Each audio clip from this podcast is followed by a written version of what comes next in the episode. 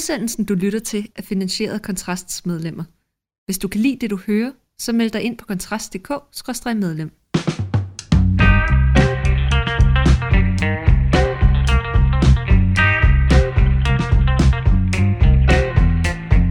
er vi i gang med ugens tredje og sidste fyraften øh, med undertegnet Mikkel Andersson og Rasmus Ulstrup ved den anden mikrofon. I dag der skal vi tale om øh, de nye barselsregler. Rasmus, øh, jeg kan forstå, at du har en holdning til det, efter det kom frem her for ikke så lang tid siden, at godt nok er fordelingen blevet bedre, men til gengæld så viser det sig jo også, at den samlede mængde barsel, som forældre de holder med, med deres børn, siden de nye barselsregler, altså der blev indført på foranledning af EU, og hvor man jo øremærket en længere periode til, til fædrene, end tilfældet tidligere har været. Den samlede periode den er blevet forkortet med i alt nu. Og, øh, og hvad tænker du om det, Rasmus? Er det et, øh, et rimeligt offer for at bringe på ligestillingens alder?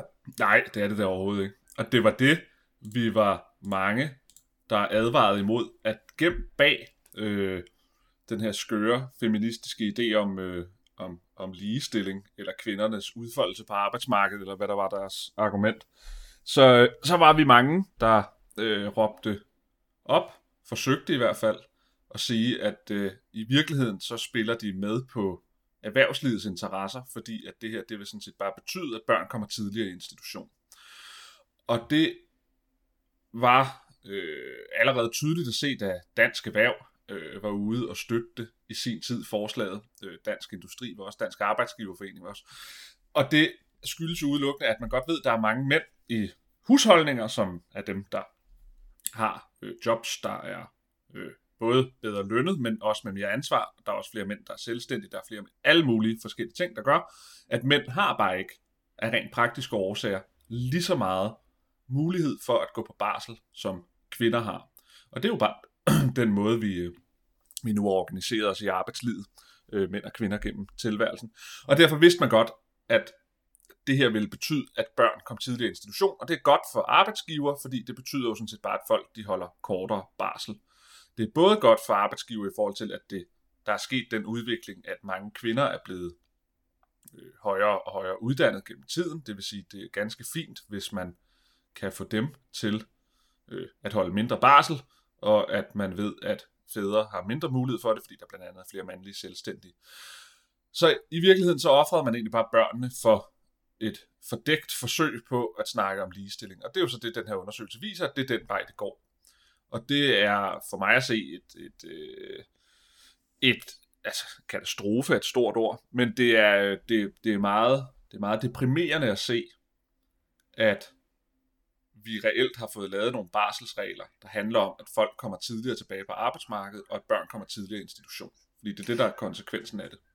Men, men det, der er vel også det fascinerende i det, altså nu kan man selvfølgelig sige, at, at der er jo næppe nogen tvivl om, at erhvervslivet kan se en interesse i at få, få, få øget arbejdsudbuddet, som man jo vil kalde det på økonomisk sprog, øh, i kraft af kortere barsel. Men det fascinerende er vel også, at det går hånd i hånd med det, vi sådan kan kalde en mere, en mere equity eller identitetspolitisk dagsorden, hvor man går ind og siger, jamen altså det ideelle mål, i forhold til en, en lang række øh, samfundssfærer, det er, at vi får en optimal, øh, eller, eller noget i nærheden, altså tæt på 50-50 kønsfordeling, som man kan, yeah. uanset om det er for, dy, for yeah. bestyrelsesposter, eller antallet af sanger på Spotify, eller øh, altså i det her tilfælde fordelingen af barsel. Ikke?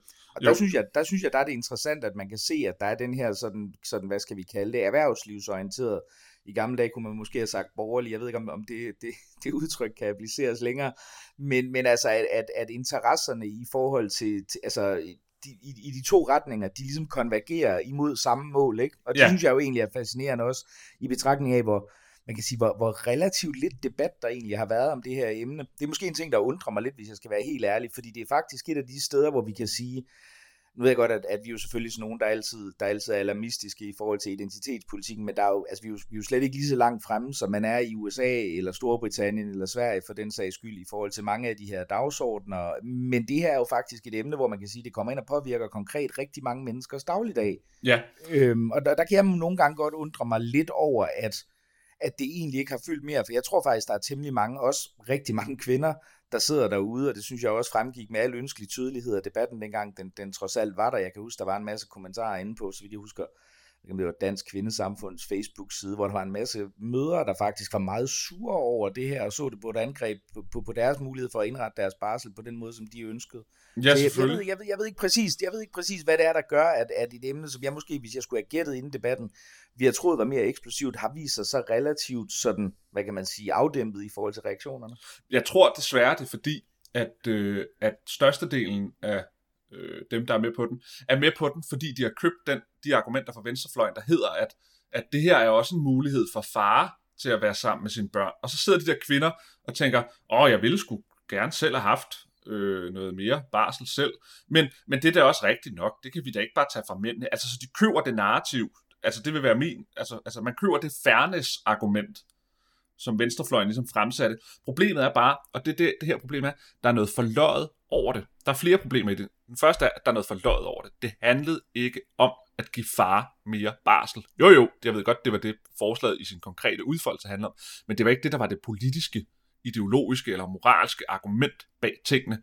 Det var, at kvinder, der holder barsel, kommer til at prioritere mere af deres tid på deres børn, mindre deres tid på deres arbejde, og det har konsekvenser for deres arbejdsliv, fordi det er helt åbenlyst er sådan, at hvis du er mere sammen med dine børn end at være på arbejde, så tjener du mindre. Altså, det- altså det giver jo ligesom mm. sig selv.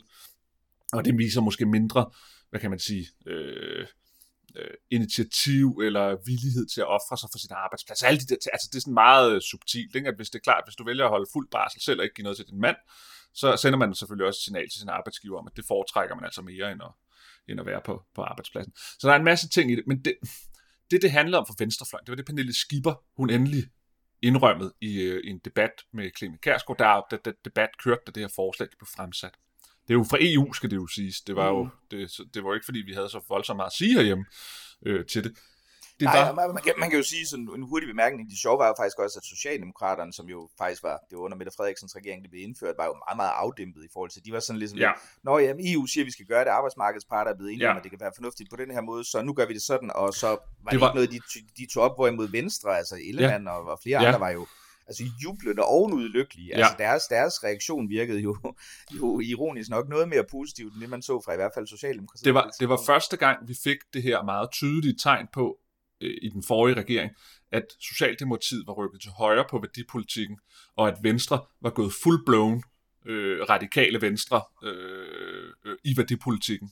Mm. Altså, det, det var første gang, vi så det, fordi at Venstre aktivt gik ud og støttede det, hvorimod Socialdemokratiet så det som et, en, altså, det var bare noget, man skulle, fordi det var nu engang besluttet fra EU's side, så det var der ikke så meget at gøre ved.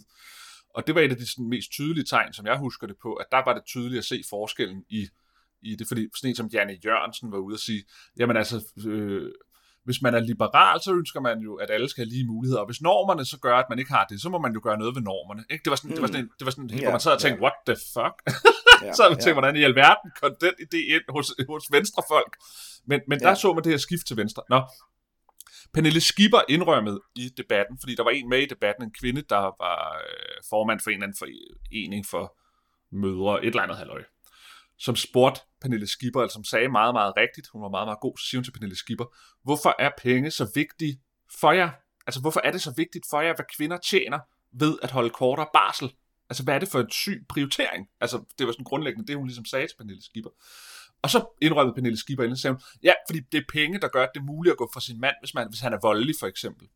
Ikke? Så, så dybest set, så handlede det her om emancipation. Det handlede om, at, om kvindelig emancipation.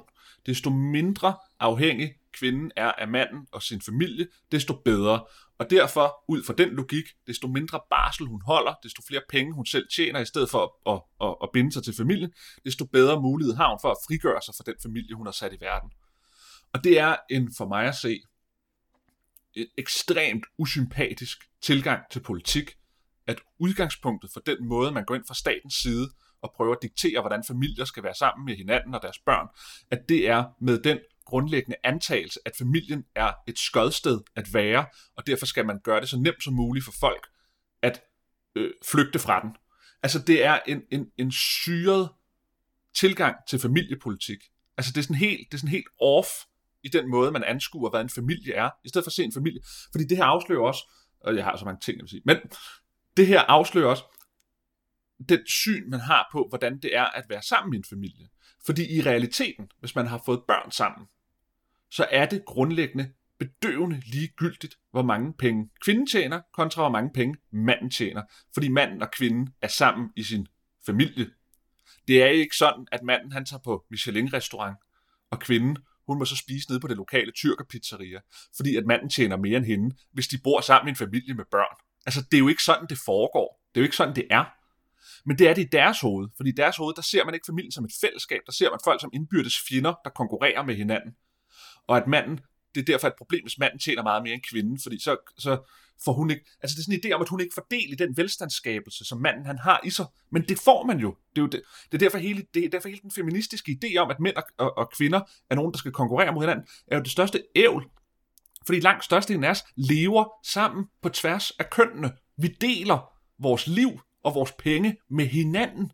Og så er det bedøvende ligegyldigt, om kvinden tjener 100.000, og manden tjener 50.000, eller manden tjener 100.000, og kvinden tjener 50.000. Men, med mindre, men, med mindre, lad mig lige godt færdig, lad mig ja. med mindre man har den antagelse, det udgangspunkt, at forholdet som udgangspunkt er dårligt at være i, og det derfor skal være muligt at forlade det øh, nemmest muligt. Altså hvis mindre det er det, man siger, det er det, der er vores udgangspunkt for politisk udvikling, politisk øh, familiepolitik. Og det er så det, de har. Og det var det, Pernille Skipper, hun indrømmede åbent. Og det er et sygt syn på familien, øh, men, man men, laver politik ud fra. Men hvis jeg skulle være, hvis jeg skulle være Pernille Skippers eller Djævelens advokat, det enkelt kunne mene, det var et vist overlap. Men hvad det hedder, øhm, altså så, så, så vil man jo gå ind og sige, jo jo, det er fint Rasmus, men altså vi lever altså i, i et land, hvor vi kan konstatere rent statistisk, at hvad 40 procent af alle, af alle ægteskaber, de bliver opløst igen. Og der må man jo så sige, at øh, der står man jo så i en situation, hvor øh, at, øh, at kvinderne så på grund af, altså, øh, at det er det, man vil kalde for ulønnet omsorgsarbejde i en feministisk optik, det er noget, som, som altså, der vil, altså, de, vil, de vil ganske enkelt komme ud af det markant ringere, også fordi man jo for eksempel har fjernet sådan noget som, som ret til pensionsdeling ved ægtesk eller ved skilsmisse, som man havde tidligere, det, der jo egentlig var, ja, det er også noget, der argumenterer bare var en, var en konservativ ting eller sådan noget eller andet, men, ja. Men jeg mener, det er, det er vel, der er vel et realistisk argument for, hvis man vil kigge på det lavpraktisk, og så sige, ja, ideelt set, så kan man sige, det bør være sådan, det er øh, i, en, i en familie, men i en masse sammenhæng, så fungerer det ikke. Og der er det så kvinden, der tager det, det, det, den korteste ende af strået, ikke?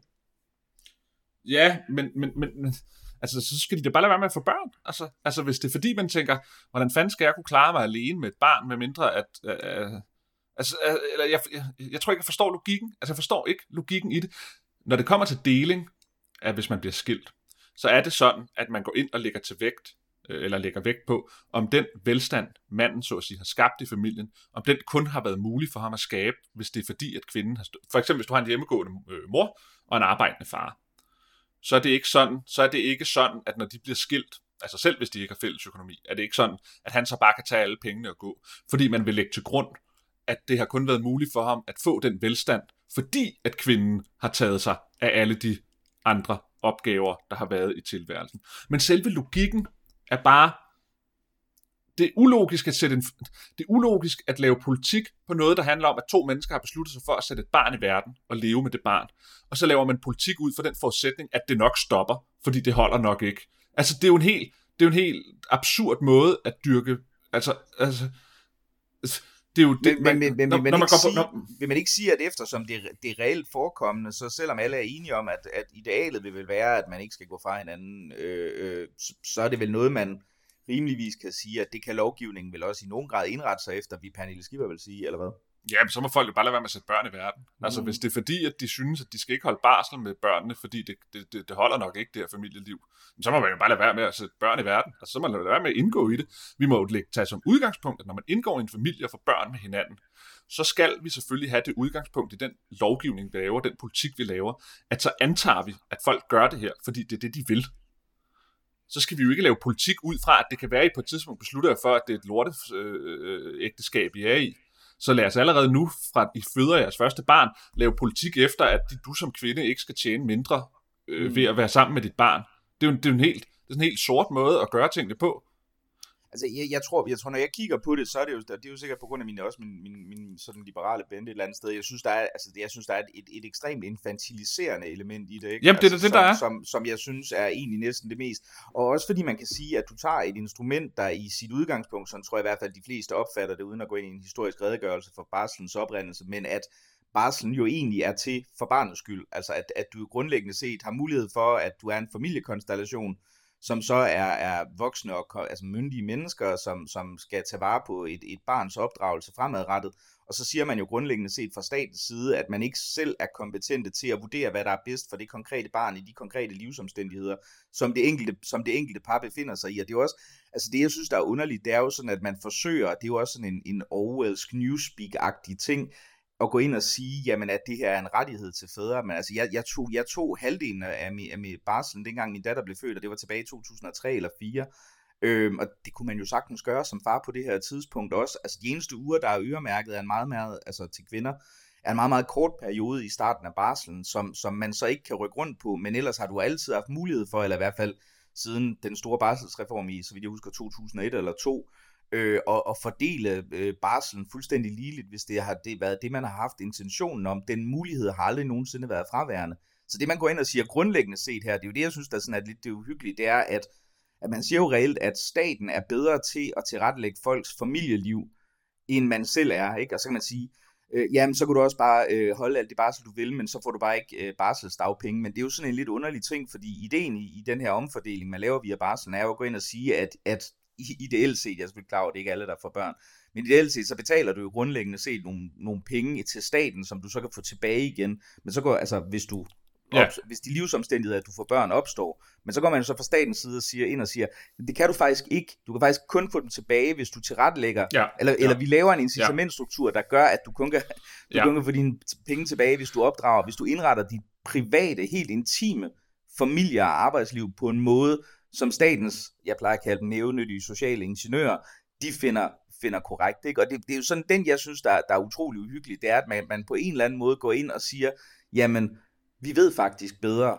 end de ja. enkelte forældre gør, ja. hvad der er bedst i en given livssituation øh, i forhold til det her. Det, det, det, det, det synes jeg jo er det, det hvor, hvor jeg synes, det er sådan en, en ekstremt infantiliserende måde at, at behandle befolkningen på, uden dermed at sige, at altså, jeg er jo klar over, at selvfølgelig kommer det til at virke, altså som liberal ved jeg også fint, at, at incitamentstruktur virker naturligvis, altså så det, der er ikke ja, ja. klar der er tvivl om, at der kommer til at være flere mænd, der kommer til at tage barselen. Altså, det, det er, det, det er velfærdsstaten, når den er værst. Det er, at velfærdsstaten siger, at vi opkræver en masse i skat, så tilbyder vi jer så nogle muligheder.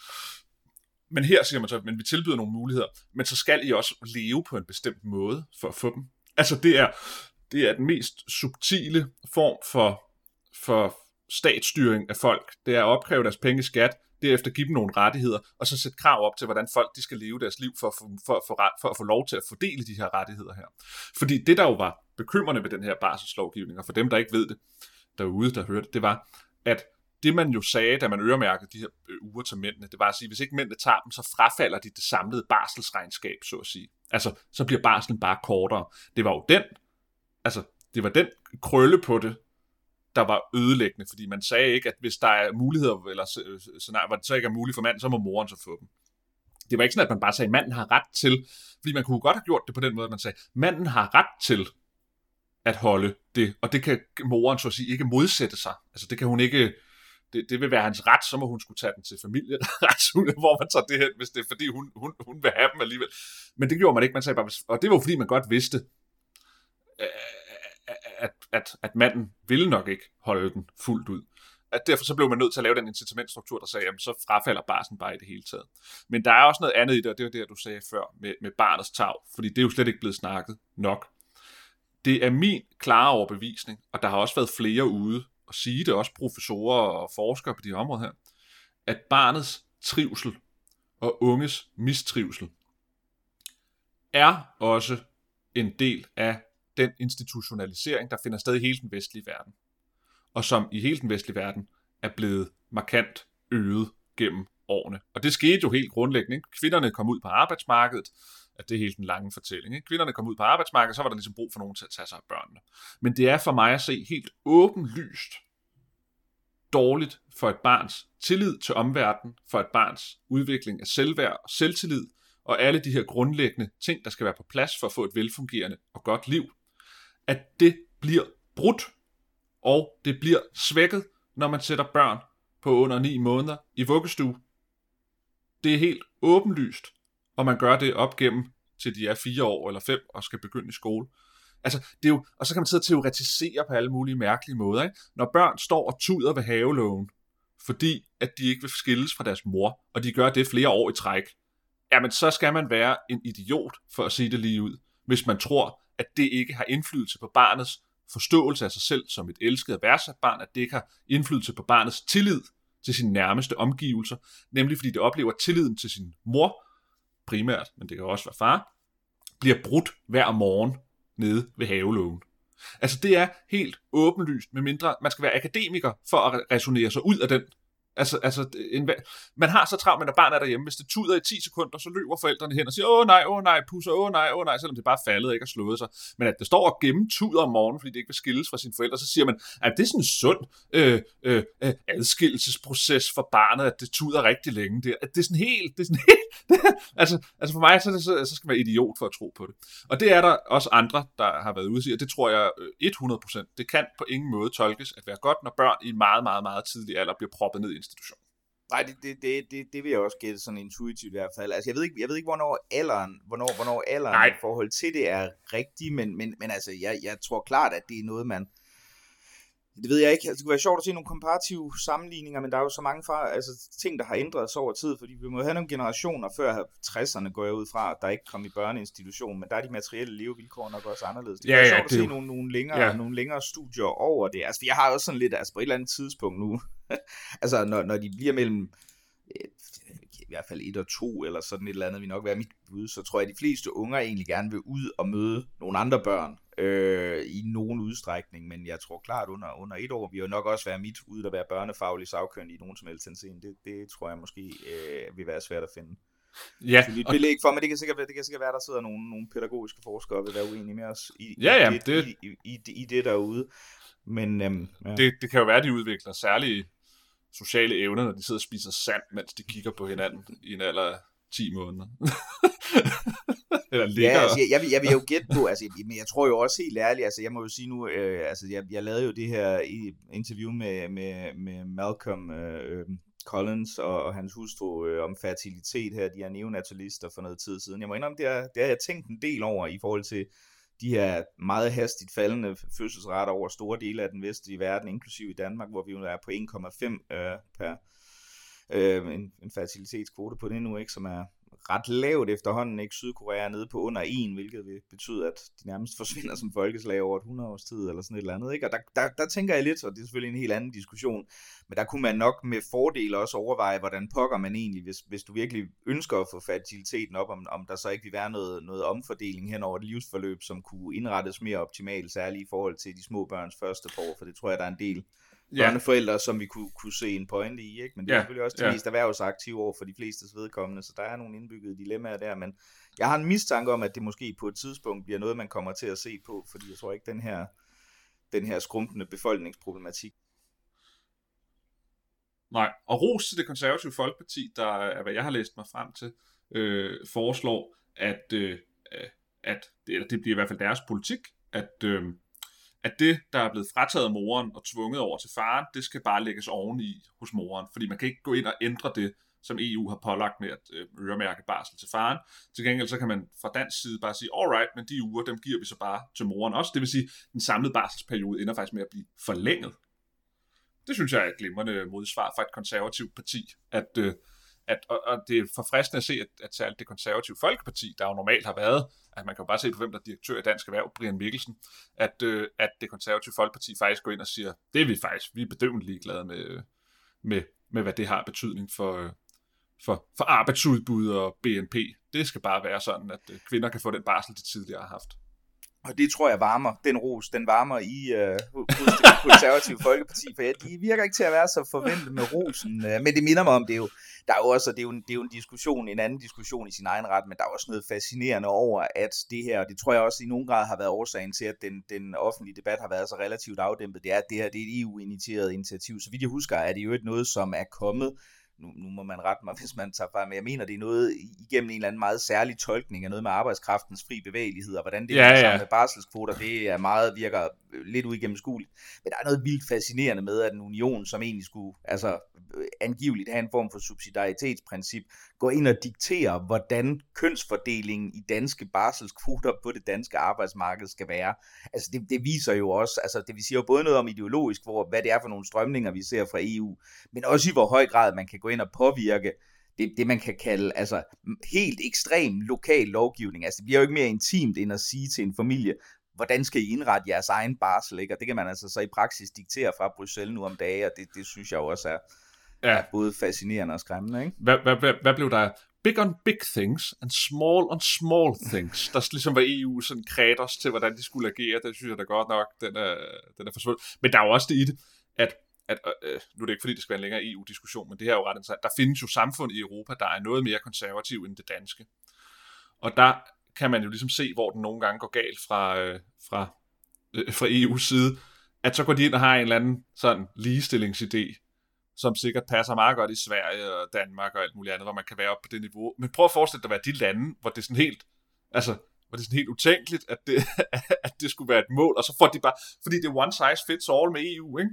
og så får mm. man bare med sådan en progressiv skandinavisk idé om kvinder og mænds ligestilling, bare, bare med ned i halsen over i Østeuropa, hvor man måske ikke lige tænker sig svensk dansk, som man, som man havde forestillet sig, hvilket bare afslører, at, at EU selvfølgelig er en katastrofe i, i, i, sin, i sin altså i sin opbygning, fordi at den, vi har så mange medlemslande, der er så dybt forskellige, når de så vil blande sig på sådan nogle her ting her. Ja, jeg tænker en, en en fyraften om reaktionerne på barselsregler i Østeuropa. Det kunne absolut være en, øh, et oplagt øh, emne til en kommende udsendelse. Men, øh, men nu kom vi op på 25 minutter for dagen, så jeg tænker, vi, vi lægger den ned her. Det var undertegnet Mikkel Andersen ved den ene mikrofon, Rasmus Ulstrup ved den anden, og så vil jeg bare sige, hvis du ikke har meldt dig ind i Kontrast, der jo altså er det, der finansierer det, du vi har hørt, så du gør det på kontrast.dk-medlem. Og så vil jeg sige tak, fordi du lyttede med.